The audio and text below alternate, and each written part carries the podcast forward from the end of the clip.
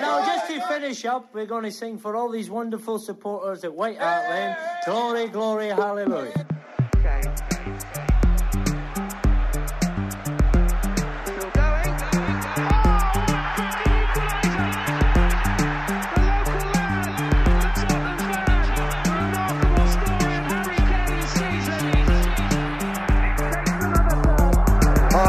Graham Roberts, and I'm listening to the Golden Cockerel podcast. Hei og velkommen til eh, Golden Cockerel, Tottenhams Venner sin egen podkast. I dag har vi med to sportsjournalister, faktisk. Vi har med et uh, kjent uh, deltaker fra tidligere, Gunhild Tollnes. Hei, Petter. Hei. Så har vi med oss uh, Totalt ukjent. totalt ukjent uh, Mats Burheim. Ja. Sportsjournalist i uh, Dagbladet. Velkommen til deg. Takk for det. Det var veldig hyggelig å være her. Ja. Vi kan jo begynne med deg, eh, Mats. Hva er, egentlig bakgrunnen for at du holder med Tottenham? Det er eh, rett og slett arv. Altså. Min far som var i Norsk Data i gamle dager. og var store deler av året i London. Og da falt han eh, for Tottenham, og så har han rett og slett innprinta det i meg. Så jeg fikk drakter med fra, fra England og ja, poster og sånne ting. Så da var det egentlig ikke noe valg. Så det har aldri vært noe bevisst valg, for helt ærlig. Nei, har det alltid vært like moro å holde med klubben som nå? Nei, jeg må jo si at jeg har vært veldig sånn eh, til og fra supporter, i hvert fall fram til jeg kanskje ble sånn 18-19-20. Eh, Og jeg er fortsatt litt sånn Jeg er ikke så gæren som Gunhild, Lincoln liksom. Det går ikke utover humøret mitt. Hvert fall Ja, det kan du godt si. Det, kan du si. Jeg er litt sånn sesongavhengig. Jeg er litt avhengig av et Tottenham-lag som jeg blir glad i. Altså sånn spiller for spiller. Jeg er egentlig ikke så opptatt av hvor, hvordan det går. Det er mer sånn hvis det er en elver som, som tiltaler meg, da, sånn personlighetsmessig, så er det nesten viktigere for min, mitt engasjement. Ja, da er jeg spent på å høre du, hvordan du vurderer årets eh, Tottenham-utgave. Ja, jeg må si de har vunnet meg over i løpet av sesongen. Og i fjor så var jeg veldig sånn er dette? Hvem er disse folka her? Først og fremst. Liksom Christian Eriksen og Hugo Lloris er kanskje de eneste som jeg hadde personlige følelser knytta til. da. Eh, mens eh, Shadley og gutta var liksom sånn er? Skal vi holde på med dette her igjen? Men så har man jo heldigvis eh, Sannsynligvis i takt med at det har gått bra, så har jeg fått sett mer av Tottenham. De blir valgt mer til hovedkamper og en del sånne ting. Og så har jeg liksom blitt glad i spiller, spillerne i dette laget òg, da. Så nå er det på topp. Eh, Den neste toppen etter den forrige toppen, som var Modric, Bale, Van de Fart. Den, den generasjonen. Ja, det er jo den store snakkisen i, i engelsk media, og også for så vidt norsk media etter hvert, er jo om, eh, om Tottenham eh, kommer til å vinne Premier League. Eh, tror du vi har en mulighet her? Jeg vil gjøre Gunnhild først. Nei. Det gjør vi ikke. Og det er ikke forsøk på å jinxe eller noen ting, men det har jeg ingen tro på. Nei, Mats? Nei, jeg, jeg, jeg skjønner at det, er veldig skummelt å si det høyt og sånn, og jeg er helt enig med Gunhild at jeg tror egentlig ikke noe på det, men eh, det må være lov å håpe uh, i en sesong som dette, da. Og jeg er litt enig i alle de som eh, gjentar og gjentar at hvis Tottenham eller Leicester skal klare det, så er det denne sesongen. Da må man se, litt, eh, se på det litt sånn utenfra. At for alle andre enn de som er Tottenham-supportere, som ser objektivt på det, så ser de at nå har Tottenham en mulighet. Eh, både pga. situasjonen på tabellen nå og, og formen Tottenham er i. Eh, så er det lov å tenke at kanskje. Men eh, selvfølgelig, de, de vinner jo ikke. jeg har sett litt på, på, på schedule nå, da, og Tottenham har jo ikke et lett kampprogram igjen.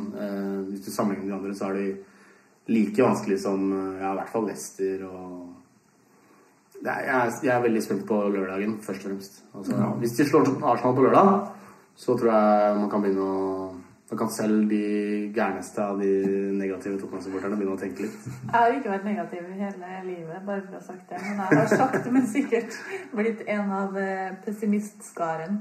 Og jeg forstår jo at veldig mange som faktisk tror på det nå, er sånn Ja, men hvorfor ikke? Altså, dette laget er så sterkt og ligger under og slår tilbake i kampene, og de har flere strenger å spille på, som kanskje var det jeg var mest redd for, da. At når Kane er ute, når Eriksen er ute, Dembélé som har vært kjempegod ute, hva skjer da? Men så viser de at de får det til ja, bak i rekka òg. Men jeg klarer ikke å tro på det uansett. Det har åpenbart skjedd noe med deg, Gunnhild. For Ja. du kom jo som et friskt pust inn i Tottenham-miljøet i Oslo for en syv-åtte år eh, siden. Og med litt sånn det jeg ville kalt en sånn naiv optimisme eh, inn på bohemen. eh, blant, Både på eh, fotball og livet ellers.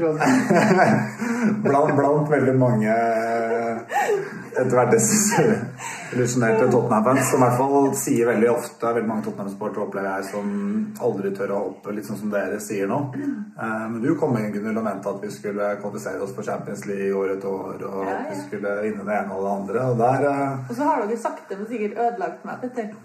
Ja. Det som har skjedd. Men det interessante er jo at jeg er jo i ferd med å snu andre veien. Ja, ja. Jeg begynner å tenke at vi, at vi kan vinne Premier League. Eh, Etter vi slo Manchester City, så var jeg egentlig Når jeg hadde sist podkast, så var jeg mer eh, tilbakelent. Men nå er jeg gira. Så jeg tror fint eh, Hvis du ser på bookmakerne i England, så er Tottenham faktisk det laget som er favoritt av de fire toppene der. Og jeg sier ikke at jeg tror det er jeg sier ikke at jeg tror vi kommer til å vinne Premier League, men jeg mener vi har minst like god mulighet som de tre andre lagene rundt oss, og da, da er det gøy, altså. Ja, jeg tror også Det handler litt om at ikke vi Tottenham-sportere skal bli noen parodi på oss sjøl. Sånn, hver gang noen skriver på Twitter eller Facebook at nå tar Tottenham det, så skal liksom alle Tottenham-supporterne komme inn. Hei, hei, hei, ikke jinx dette her, og du vet hvordan det egentlig går. og sånn. Så det, vi må klare å stille oss litt utenfor de følelsene som er bygd opp av 15 års erfaring. Ja, for det er jo mye erfaring som, Selvfølgelig. eh, Og så er det, jeg tror også det er et poeng at uh, altså, de tenker tilbake til det jeg arva av min far. da, så De første ti årene jeg husker med Tottenham, så var det jo åttendeplasser og tiendeplasser. og Jeg sjekka, for jeg tenkte tilbake de, gangene, de få gangene jeg har vært over og sett. Ene var den Tottenham United i jeg tror det var 96-97-sesongen. Solskjærs gjennombruddssesong. Hvor Tottenham ble nummer ti, da, selvfølgelig. Selv om i de høydepunktene jeg sjekka på YouTube, så var Tottenham dritgode, liksom. Men det ble nummer ti. Sånn har det alltid vært i min, min Tottenham-levetid. Og så den fjerdeplassen, man har liksom brutt inn i Champions League, så hadde jeg også vært helt sånn ut av det blå. Så vi rakk jo aldri å bli nervøse for at det skulle ryke. Eller, altså det har vært litt sånn positiv overraskelse. Mm. Mens nå er vi i en situasjon hvor det er Hvor mange runder er det igjen? Åtte? Ni? Og det ligger så bra an at man på en måte går fra alt å vinne til alt å tape. da. Og det tror jeg er veldig uvant for veldig mange Tottenham-supportere. Han ser ikke så mange svakhetstrekk, da. Jeg gjør i hvert fall ikke det. I laget, nei. Nei. Og når man til og med ser at eh, Sånn som kampen på søndag, da, mot Swansea. Og vi ligger under, og Fabianski plutselig er verdens beste keeper. Så i gamle dager, for å bruke et sånt uttrykk, så hadde vi jo aldri vunnet den kampen. Aldri. Men nå liksom bare fortsetter den. Den blir ikke stressa et sekund. I hvert fall framstår det ikke sånn. Og maler på, og så står de igjen som seiersherrer. Det er knallsterkt. Og den Fiorentina-kampen òg var jo en prakt. på. Men har det, har det noe, på noen slags måte sluppet taket hos dere, den følelsen når det nå lå under sist? da? At ok, der skjedde det igjen. Har det sluppet taket i det hele tatt? Klarer du å liksom se at Nei, vet du hva, det der er faktisk en halvtime igjen. Dette kommer til å ordne seg? På søndag tenkte jeg det. Ja. Dette kommer til å gå. Men eh, jeg vet ikke om det er på tur. Nei, jeg, jeg, jeg, trodde vel at vi skulle greie å, å snu det, men jeg var livredd. Altså. Det var ikke noe gøy å sitte og se den Swansea-kampen. Eh, allerede etter 30 minutter ut i kampen så begynner jeg å telle minutter ned. Så, men eh, jeg syns vi er eh, Hvordan Tottenham fremstår, er jo utrolig imponerende. Jeg mener jo En av grunnene til at jeg faktisk begynner å tro at vi kan vinne ligaen, er at jeg mener at nå har vi spilt Vi møtte Westham i kveld. Eh, Fram til nå så er vi det laget som har vi kan gå på liga Vi kan lede ligaen med seier mot Westham. Og jeg mener vi er det laget som har spilt best på 28 kamper. Så når vi greier å være det laget som presterer best over 28 kamper, sånn spillemessig i tillegg til tabellen, da ser jeg ikke noen grunn til at vi ikke skal kunne fullføre det. Vi er formlaget i Premier League by far. Så Nei, det blir gøy. Ja, og ikke minst uh, skåra mål, innskjøtte mål. altså Helt i toppen i begge, begge ender av skalaen. Og vi har sett sånn som da føljetongen pådrar seg skade, da. Så sånn, åh, nå rakner det. De to bak der har vært perfekte par og tydeligvis kommuniserer veldig godt, da. Men så går det også bra. Eh, og det gir litt sånn trygghetsfølelse. Og det må jeg jo si at eh, Det har jeg jo vel snakka om før òg, men man får utrolig tillit til Porcetino. Pochettino. Og at han har kontroll og vet hva han driver med. Eh, Så jeg tror på han, da. Selv om jeg ikke tror på seriegull. Ja. Og så, samme hva det for noe, Squad Management siste uka viser jo også at bredden er der, da. Altså, det, er, det er ikke krise selv om uh, man er nødt til å bytte, bytte ut store deler av laget for å, for å hvile seg til helgen. Ja. Og det er jo også ganske noe nytt. Um, så er det også noe med at det er egentlig en styrke som Leicester også har vist at de har hatt. da, At uh, den, man kan alltid snakke om en, en selvtillitsbølge og en flyt som ved første hinder kanskje rakner fullstendig. Og det har jo Tottenham vist at de ikke nødvendigvis gjør. altså De kan gå på en smell, men så reiser de seg neste runde. Det har Leicester også vist eh, på sin side. Nå er det spennende å se hva som skjer etter gårsdagen. Men å liksom se sånn folk som Danny Rose og sånn løpe rundt med kyla i 90 minutter, det er jo helt eh, nesten surrealistisk, liksom. Og er det én ting Tottenham har mangla, da, alltid, i hvert fall for meg, er det jo vinnermentalitet og den tøffheten som trengs. Plutselig så framstår det som en gjeng vinnerskaller utpå der. Eh, og han har nok gjort en vanvittig jobb med mentaliteten, det tror jeg.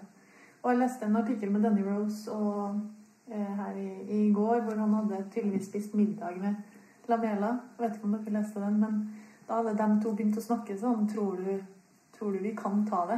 Og Erik Lamela sin reaksjon var nærmest med avsky og bare Hva er det med deg? Selvfølgelig kan vi ta seriegull.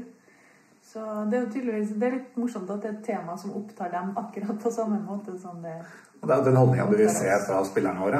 Det er Ja. det verste som kunne skjedd, var om spillerne hadde samme holdninga som fansen, egentlig. Ja, men det er, kanskje sånn jeg nesten leste Danny Rose litt. At han, i og med at han har såpass lang fartstid i klubben, har blitt litt påvirka av hele den mentaliteten. da.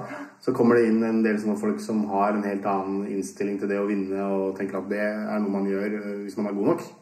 Enkelt og greit. Og det er veldig fint hvis de kan påvirke de få som, som er påvirka, og som sitter og ser på. Ja. Han fikk jo også spørsmål om det var det beste Tottenham-laget han hadde spilt med i sin tid i klubben. Og da sa han at han var ikke sikker på det, men det var det laget med mest togetherness. Og det forteller veldig mye, og det synes jeg Det kan man se når man ser Tottenham i dag. At det er et lag, da. Sånne ting blir jeg i hvert fall veldig fornøyd med. Det treffer hjertet. Fanhjertet veldig hardt. Ja, vi skal ringe opp uh, Jon Hartvig Børrestad etterpå, som er kjent fra tidligere i TV 2 og nå de siste sesongene i Seymour. Og jeg har en mistanke om at han er enig med meg at uh, Tottenham kan gå hele veien uh, i år.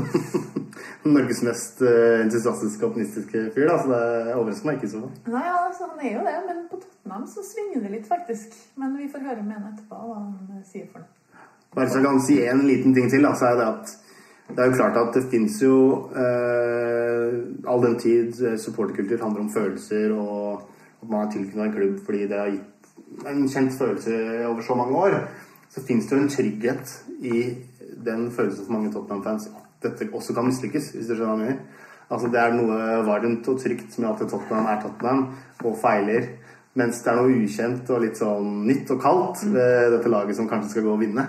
Så det vil kanskje forklare en del av den der knee-jerk-reaksjonen til en del Tottenham-supportere om at selvfølgelig går det til helvete. Fordi det er litt sånn en trygg favn. Ja, det er veldig lett å si det.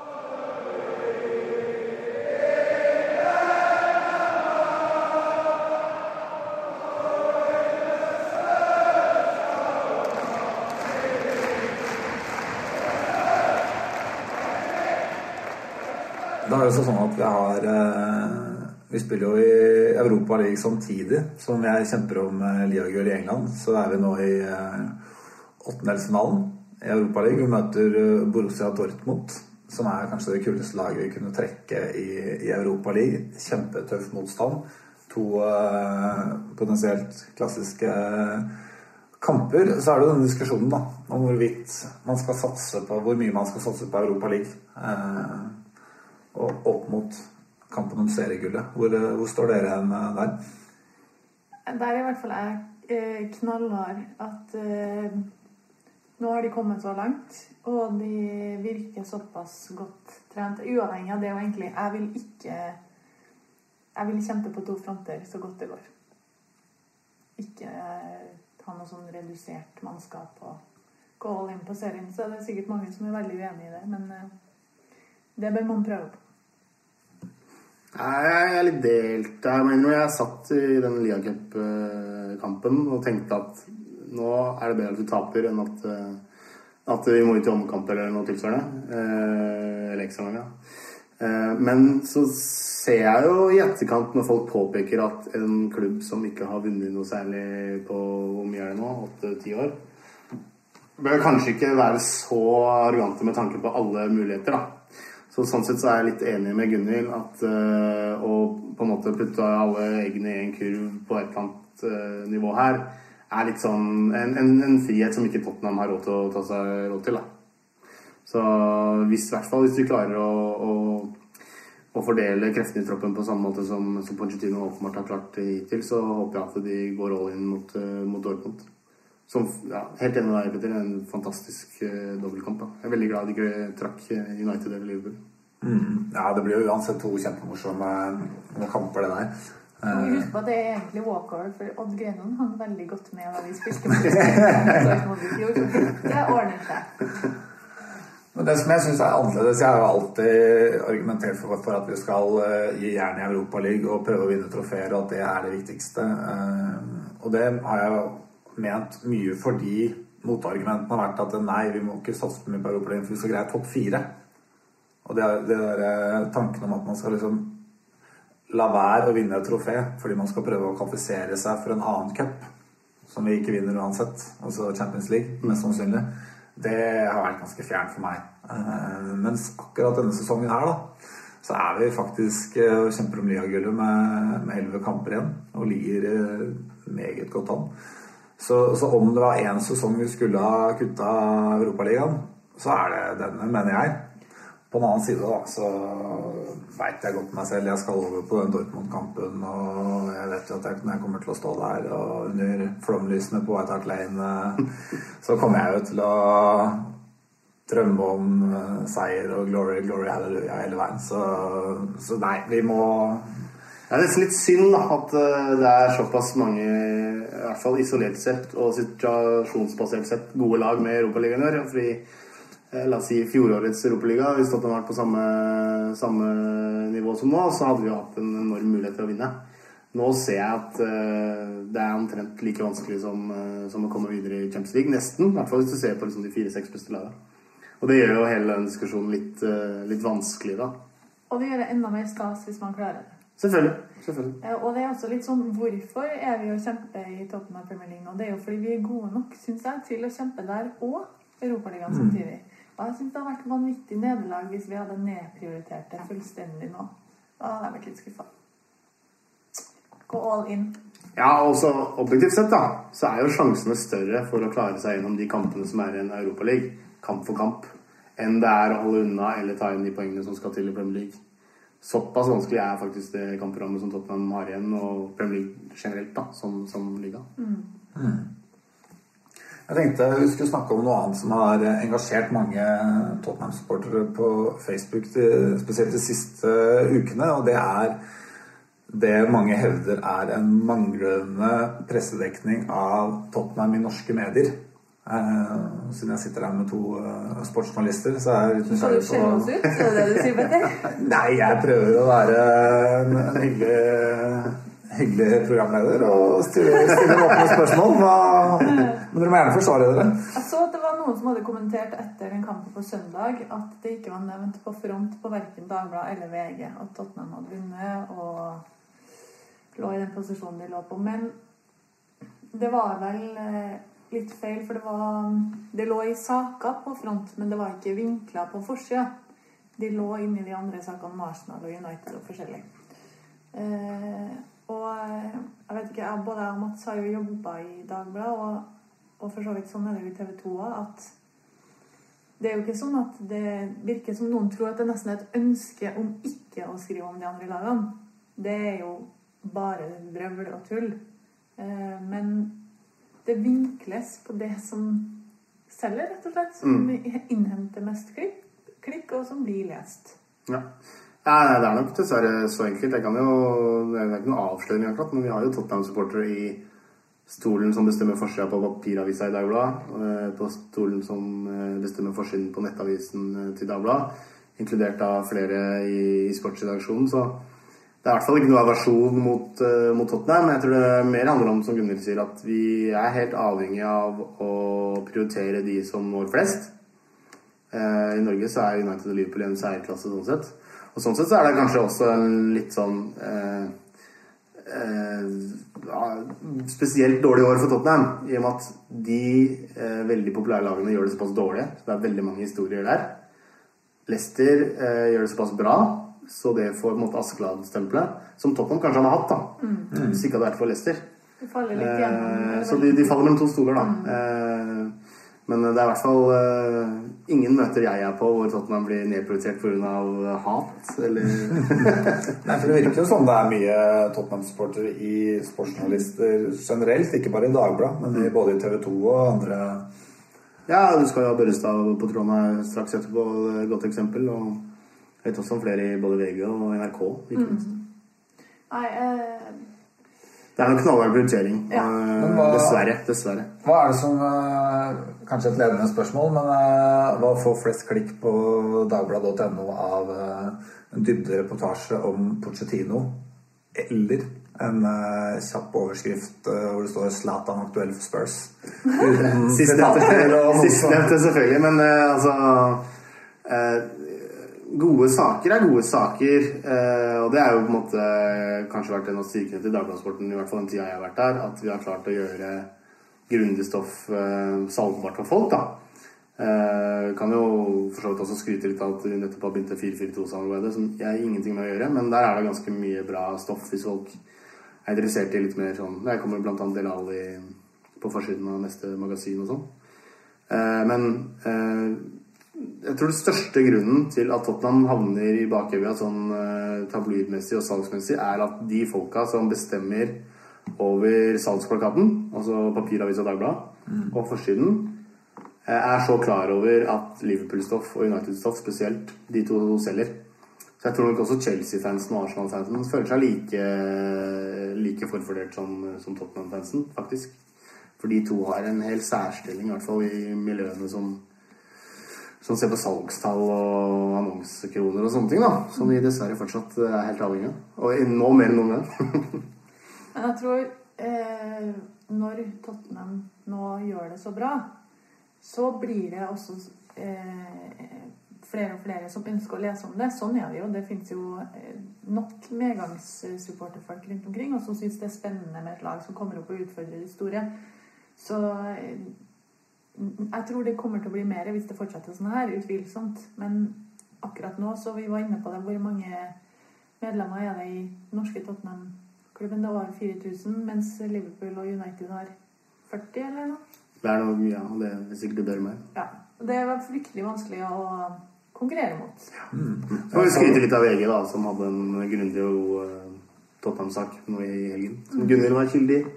Det stemmer. Ja, også i NRK hadde jo en fin, eh, en fin lang eh, om Pochettino sin eh, filosofi, da, som jeg gjerne Det var det eksempelet jeg brukte med en dybdereportasje om mm. Pochettino og hans filosofi, og jeg håper jo at, eh, at den fikk mange klikk, for si det Ja, ja, sånn, for det var veldig det er en type reportasje det tar tid å lage, og som på en måte ikke nødvendigvis selger mest, men som likevel er eh, Det blir definitivt lest og delt, vil jeg tro. Så er det også en stor misforståelse at uh, grundige saker ikke har verdi på nett. At det bare er billige titler og sånne ting. Fordi det i hvert fall vi opplever i Dagbladet, er at nerdete ting Altså Jeg har skrevet saker sjøl om offside-regelendringer og keepertekniske ting. Jeg husker den Mignolet-diskusjonen i filmen Gary Neville og sånn. Som suser av gårde på nett, liksom. Fordi folk er interessert i det. Men det må presenteres på en måte som gjør at uh, man er interessert i å lese hele. da Vi må høre litt med deg, Gunhild, for du har jo vært eh, mye på skjermen eh, for Seymour, Norsk Tippeliga. Ja. Og så er det, blir det en ny sesong med, med Tippeliga, eller hva eh, fremtiden på? Eh, Det blir eh, tippeliga fra om en ukes tid. Ja. Tidlig start. Da skal jeg fly rundt og dekke eh, Rosenborg er mitt hovedansvar da i år, men eh, jeg skal følge med på de andre lagene også. Så blir det litt andre ting eh, underveis sikkert, men hovedsakelig norsk fotball. Det er Litt synd at du er så lite glad i Rosenborg. Ja, du hører jo at jeg kommer fra Trondheim, Mats. Eh, Men eh, du vet jo veldig godt at det er faktisk relativt uproblematisk å jobbe med eget lag, altså. Alle tenker at det er fryktelig vanskelig å legge følelser til side og sånn, men helt ærlig, det er det ikke i det hele tatt, syns jeg. Nei, absolutt ikke. Jeg tror heller det er litt sånn som uh, Hvis det har en effekt, så har det en motsatt effekt. At det er litt sånn som å være trener for laget til sønnen din. At selv om sønnen din er det beste på laget, så er du veldig forsiktig med å bruke han hele tiden. Fordi du er veldig opptatt av nettopp den problematikken. Ja. Jeg ble benka hele tida når faren min var trener. Ja, ja, det er også snakker, men jeg, har også snakka meg sjøl, så jeg er bitter sånn. Jeg vet ikke om det var fordi jeg var best på laget, men, eh, men eh. Men fra en eh, Simor-programleder til en annen, så får vi jo ta og ringe opp eh, Jon Hartvig Børrestad på Skype. Vi kan gjøre det. Og da vet vi alle at eh, da er det bare å si ha det til Mats og meg, for da snakker Jon resten av programmet. Gold, gold, gold, golden. Da har vi fått med oss eh, Jon Hartvig Børrestad her via Skype fra Bergen. Hello, hello. Du er jo Vi så deg jo på TV i helga. ja, Ja, hva, jeg grinte. Nei, det var ikke meningen å være sånn linselus, men eh, hadde så utrolig fine plasser. Sto rett bak mål. Mista litt stemme og øre. ja, det hører vi. Fortell om eh, Du var jo som lytterne sikkert skjønner til stede på, på den Swansea-kampen nå, nå på søndag. Fortell litt om eh, kampen og stemninga og livet rundt. Det var Vi kom med tidlig. Det, det må man gjøre når man skal gå på kamp. Og så ble vi ikke jo loddet stemningen, som det heter på godt TV-språk, i timene før der. Og tok oss noen øh, øl og merka egentlig at det var egentlig ja, litt sånn småmagisk stemning rundt White Hart Lane for tiden. Altså, folk har øh, en herlig en blanding av både tro og frykt om hverandre. Litt små gnisninger i luften. Og så begynte jo matchen, og Jorisio kjemperedning etter tre minutter. Og da tenkte jeg akkurat da blir det den dagen hvor de kommer til å skåre tidlig, og sånn ble det jo. Så til pause, da, da var jeg langt nede. Og dritsur, som du sikkert uh, har sett på det bildet. Men uh, det er jo bare helt fantastisk å se hvor, uh, hvordan Spurs jobber om dagen. Og det er liksom ikke det Tottenham jeg har vokst opp med. Det er helt herlig å se hvordan de jobber sammen og jager i flokk. Så det var eh, fantastisk eh, å være med på de siste 20 minuttene og etter kampen. der. Er det det beste Tottenham-laget du har sett eh, i din levetid? Ja, utvilsomt. Det, det må det være. I hvert fall det beste laget, altså med stor L-A-G og E og T. Det er herlig å se på de for tiden. Altså det, er, det kan være sexy å på en måte drive med høyt press også. høyt press kan være sexy. Men det som er litt overraskende for mange, er at eh, for seks måneder siden så var egentlig forventningene rundt Tottenham ganske så, så lave sammenlignet med tidligere sesonger. Det var nesten ingen Tottenham-sportere engang som snakka om topp fire. Jeg Nå vet jeg ikke hvordan dine forventninger var før sesongen, men eh, hvordan var de, og hva, hva er det som egentlig har, hva tror du er det som har skjedd siden i løpet av seks måneder, som har snudd opp ned på alt? Mine er alltid alltid nummer fem. Det er på en måte litt der, der jeg, jeg står for sesongen. Og trodde heller ikke på at det skulle bli noe spesielt uh, topp fire-fight. eh, men uh, de har vokst i selvtillit, da. Og det tror jeg Pochettino har klart å få inn i gruppa. Alle tror på hverandre, tror på seg selv. Danny Rose har blitt en uh, knallgod back. Eh, og så har de spillerne som mange avskrev eller meldte ikke var gode nok i forrige sesong, tatt uh, nye steg. Da. Herlig å se dem. Chandley har jo blitt en herlig poengplukker for oss. Uh, sånn kan være med å prege kamper. Så det er en bredde her også da, som vi kanskje ikke helt så for oss før uh, sesongen. Det igjen tror jeg handler litt om det Pochettino driver med, og bygger eh, et lag og en eh, enhet, et samhold, som virker eh, ganske unikt. Jon, jeg husker at vi snakka om at Tottenham var eh, så profilløst. Og nå plutselig er det blitt en gjeng med spillere som vi er veldig glad i. da. Ja, Så ja, de er et lag, men samtidig så er det liksom Det er noen der som man eh, likevel føler at det har blitt noe ekstra med. ja det har ikke akkurat blitt noe mer hvem i all verden trodde at vi skulle kjempe om, eh, om ligaen med Rick Dyer på midten. Eh, altså Det var jo så grått og kjedelig. En sønn av en cateringkone som dro til Portugal før EM. altså Det var jo, det var jo nada. Harry visste vi ikke eh, om han kom til å levere like godt. Uh, Vi kunne jo bare håpe. Lamela så ut som han egentlig bare ville tilbake på Pampasen og bestille seg en argentinsk biff. Så det, det var jo litt eh, Det var mange spørsmål da, i forkant, syns jeg. Men alle er liksom besvart. Toby Alderweidel, som han så elegant heter, eller i hvert fall nå i den duren, eh, var jo liksom Han var bra. Bra i SA15. Men han fikk jo aldri spille i Atletico, eksempel, at han skulle fremstå som en sånn leder og en klippe i laget, var jo også litt overraskende, syns jeg. da. Så um, når vi starter en sesong hvor Hugo Joris er den største stjerna på en måte, Ja. så ser det jo litt tynt ut. Ja. Men det har ikke blitt, heldigvis. Når det er så mange spillere som, som leverer, da, det må jo ha en del til å si hva, hva han eh, godeste Pochettino driver og holder på med på treningsfeltet der. Altså, han går på, på tjenesten nå. Helt utrolig å se hva han har fått til å, å gjøre. Og mye Støtteapparatet sikkert er litt også, men eh, jeg er litt redd for at vi kommer til å miste ham etter hvert. da. Han har jo eh, store ambisjoner, han også. Så håper han har det i, med, med klubben i våre hjerter.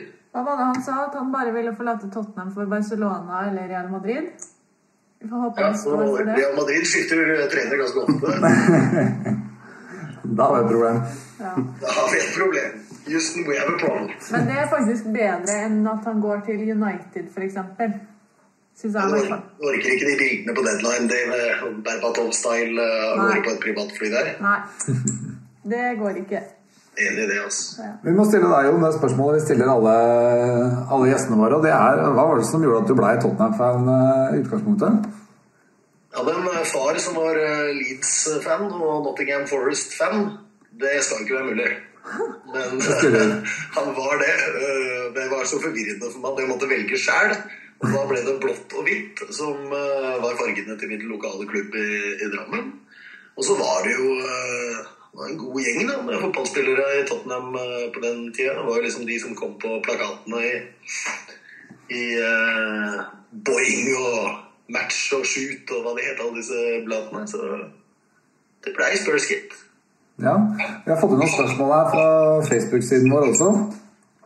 Og Da er det en uh, Bjørn Grene som spør uh, hva er ditt beste minne som Spurs-supporter? Bjørn Grene. Var det tilfeldig at Bjørn Grene er inne? Nei, uh, antageligvis ikke. Bjørn Grene og jeg har grått sammen på Wembley. Det må du fortelle om. Eh, eh, 2008 var det da vi slo Chelsea i ligacupfinalen. Ja. Da gråt Bjørn Grene og jeg eh, hånd i hånd uh, idet Ledley King eh, gikk opp eh, trappene for å hente pokalen. Da trodde vi var siste gangen eh, vi så ham. Eh, det var liksom så du hørte det, det, det knirket i knærne hans helt fra andre enden av Wembley. Eh, så da, da ble det for mye for oss, gitt. Slo Chelsea der, og Woodgate var vel pakka inn i bomull da nå i 14 dager før, bare for å spille. Så ja, det var, eh, det var eh, sykt. Spesiell hilsen til Bjørn eh, Grene. Han, han er die hard. Det overrasker meg litt, Jon, at uh, du var så nervøs for å være med på podkast at du fikk en kompis til å sende et spørsmål. Var det tilfeldig med Bjørn Grene? Var det det? ja, det er helt tilfeldig. Ja, det er fantastisk. Men det var jo en god opplevelse. Jeg, må jeg var jo der selv på Wembley og hadde også tårer i øynene, så vi var flere som sleit litt akkurat da. altså. Så har vi et spørsmål her fra en eh, Morten Øgård, som eh, lurer på om vi kun kommer til å se deg som kommentator for Tippeligaen, og mener at eh, Premier League-stemningen er ikke det samme uten deg. Det var eh, Men ja, jeg er Spurs-fan, vil jeg tro, så det har kanskje noe med det å gjøre. Eh, Jeg tror eh, han skal være glad for at jeg heller ikke skal kommentere, for det er Eh, Men Du har jo energien, da, Jon.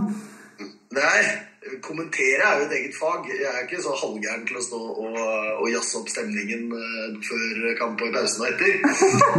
Eh, Men eh, det blir Tippeligaen eh, som eh, jeg skal holde på med for eh, TV2 eh, i år. Det er jo siste året til, til TV2 med Tippeligaen, så det gleder jeg meg veldig til. Altså, da går det an å holde på med Tippeligaen og se litt på Premier League eh, samtidig.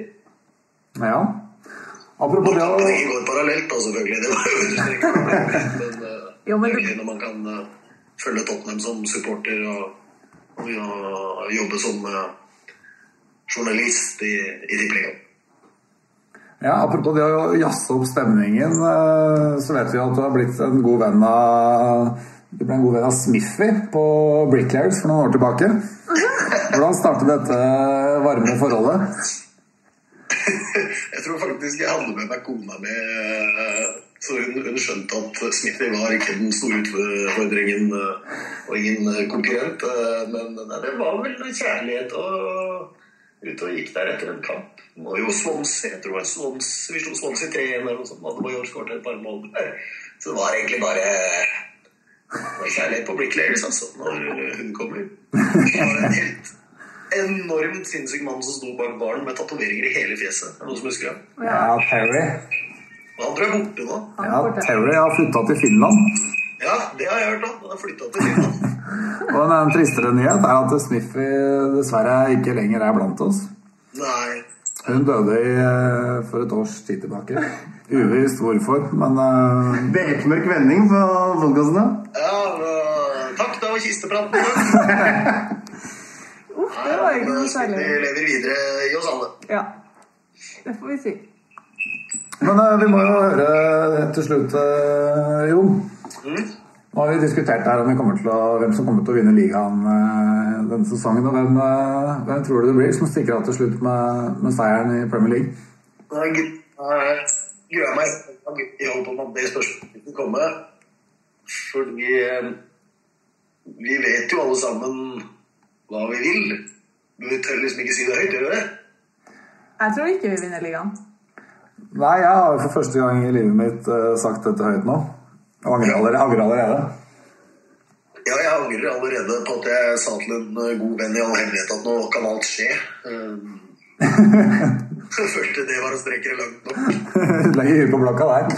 Ja, da, um, jeg håper selvfølgelig Det har vært fantastisk eh, å kunne få oppleve det i, vår levetid. Jeg ble helt emosjonell her borte. Det er ikke bare det er ikke bare etterdønningen av London som gjør eh, stemmen eh, skjelvende, men uh, det, det hadde vært helt utrolig. Uh, Det er nesten for mye å håpe for, men uh, vi får snakkes igjen etter Westham og Arsenal. Ja. Men skulle det bli et ligagull, da? Hvordan vil godeste Børrestad feire? Altså, når du griner i ligacupfinalen Da kommer det til å skje noe rart eh, når de vinner eh, Når de vinner ligaen. Eh, hvis de skulle vinne ligaen. Så det, det veit jeg ikke. Det, det, tror jeg kommer til å bli helt sånn ukontrollert feiring. Jeg, var jo, jeg fikk jo oppleve at Strømsgodset, med en annen klubb i mitt hjerte, vant ligagull. Og da, da sto jeg og grein, og Gunhild sto og lo av meg omtrent. Nei, det gjorde jeg ikke. Nei, det er litt sånn hygge.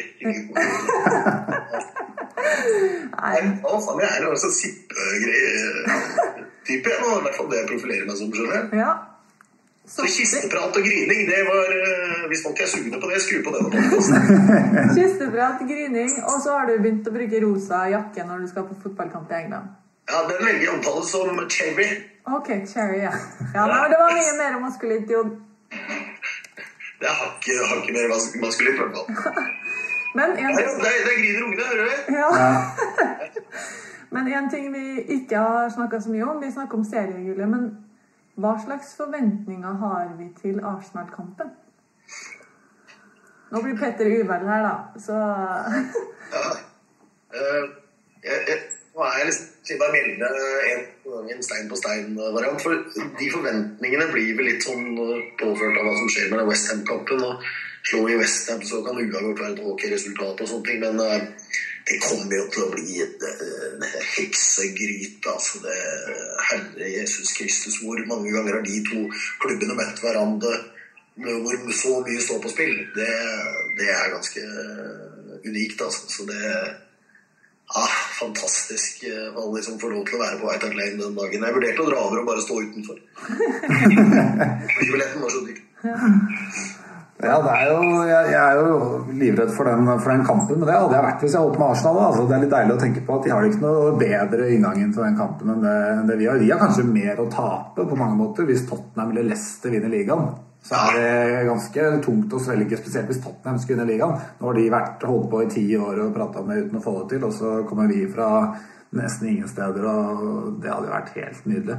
Ja, det er. De har, de har faktisk mye mer å ta på. og Det kan være til fordel. Og jeg synes De virker litt nervøse, Arsenal-fans, når du snakker med dem nå. De er så vant til å feire dagen da det blir klart at de havner foran oss på tabellen.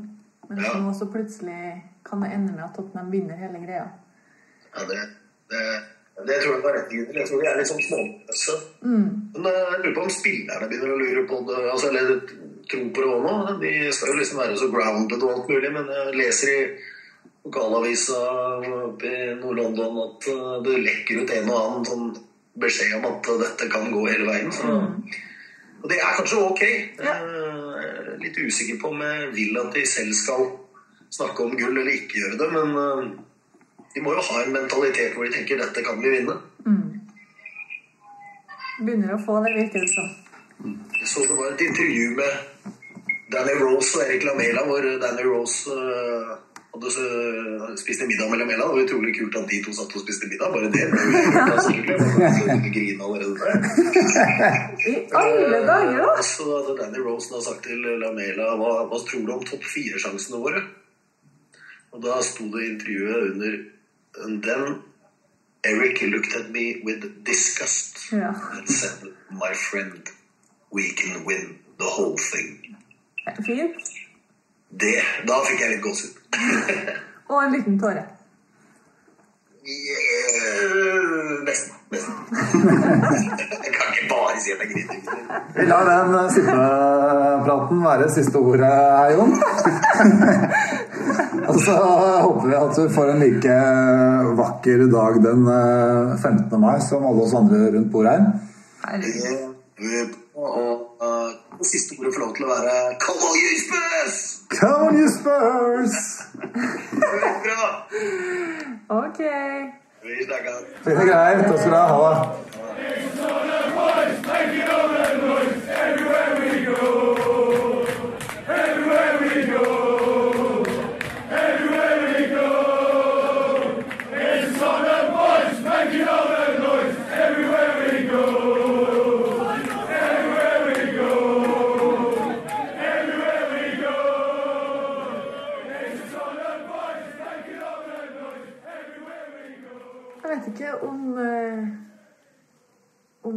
har eh, noe å legge til helt til slutt, da, Mats? Nei, eh, nei, absolutt ikke. Jeg merker meg at nå er det så mange bare rundt bordet her som har sagt ligagull høyt, at hvis hvis det går til helvete nå, så er det vel stort sett vår feil. Ja, men Vi har hausa og hypa det så fryktelig at uh, nå kommer det i hvert fall til å gå til helvete. Det er min dom etter, etter dagens podkast. Og aller først så tryner vi mot Westham. Det tror jeg faktisk. Viktig poeng. Jon kopierte jo din historie om eh, Ja. Lamela og Danny Rose, men det er jo veldig betryggende å høre at spillerne ikke er eh, følelsesmessig påvirka på samme måte som det vi er. da. At de ser på det som vi er et godt lag, vi er i stand til å slå Westham og Arsenal de to neste kampene. Vi er i stand til å vinne resten, og det betyr i så fall at vi vinner ligaen. Det er på en måte den iskalde, kyniske, analytiske tilnærmingen vi ønsker kanskje kanskje hadde sjøl. Nei, det er kanskje ikke sant, men det kan i hvert fall bety noe ute på banen. Så får vi bare inderlig håpe at de ikke hører på denne podkasten. Det hadde vært krise. Vi skal ha litt uh, kort info til slutt her fra styret i Tottenhams Venner. Som eh, informerer om at eh, det er ny rekord i antall medlemmer i supportklubben. Det er nå mer enn 4600 medlemmer. Og styreleder eh, Vidar Edell han eh, forteller at Tottenham Tottenhams Venner har en jevnlig dialog med TV 2 rundt hvilke kamper som skal vises på, på TV på de lørdagskampene. Og, og det er jo da vekst i antall medlemmer som er det tyngste argumentet Tottenham Venner kan bruke overfor TV 2. Så vi oppfordrer alle våre lyttere til å melde seg inn i, i Tottenhams Venner og få et uh, veldig bra medlemsplan. I tillegg til at man kan være med å påvirke TV 2 til å vise Tottenham så mye som mulig. Så her er det bare å melde inn eh, både seg selv og familiemedlemmer. Så er det nestleder Leif Konrad Baarstad som minner om at eh, årets supporter skal kåres. Så hvis du har eh, tips, noen du ønsker å nominere til årets eh, Spurs supporter, så sender du en mail til leif at tottenhamhotspur.no med litt info om den personen du ønsker eh, som du mener fortjener prisen. Og fristen for det er 15. april. Det er stas å vinne. Det er stas å vinne. Så da er det gjenstår bare å takke til Gunhild. Takk. Vær så god. Eller takk for meg. Ja. Og Mats her, som jeg akkurat har gått opp med at ligner litt på Pochettino. Og Villas Boas. Se på håret. Hyggelig, hyggelig sagt. Det var en på en pub nylig som sa det på Chittino-greiene, så det tar jeg til meg. Det var en fryktelig kjekk mann. Takk eh, takk for pizza og at jeg fikk komme, Petter. Fint å ha med. Da er det bare å avslutte med det samme som Jon. Come on, you Spurs!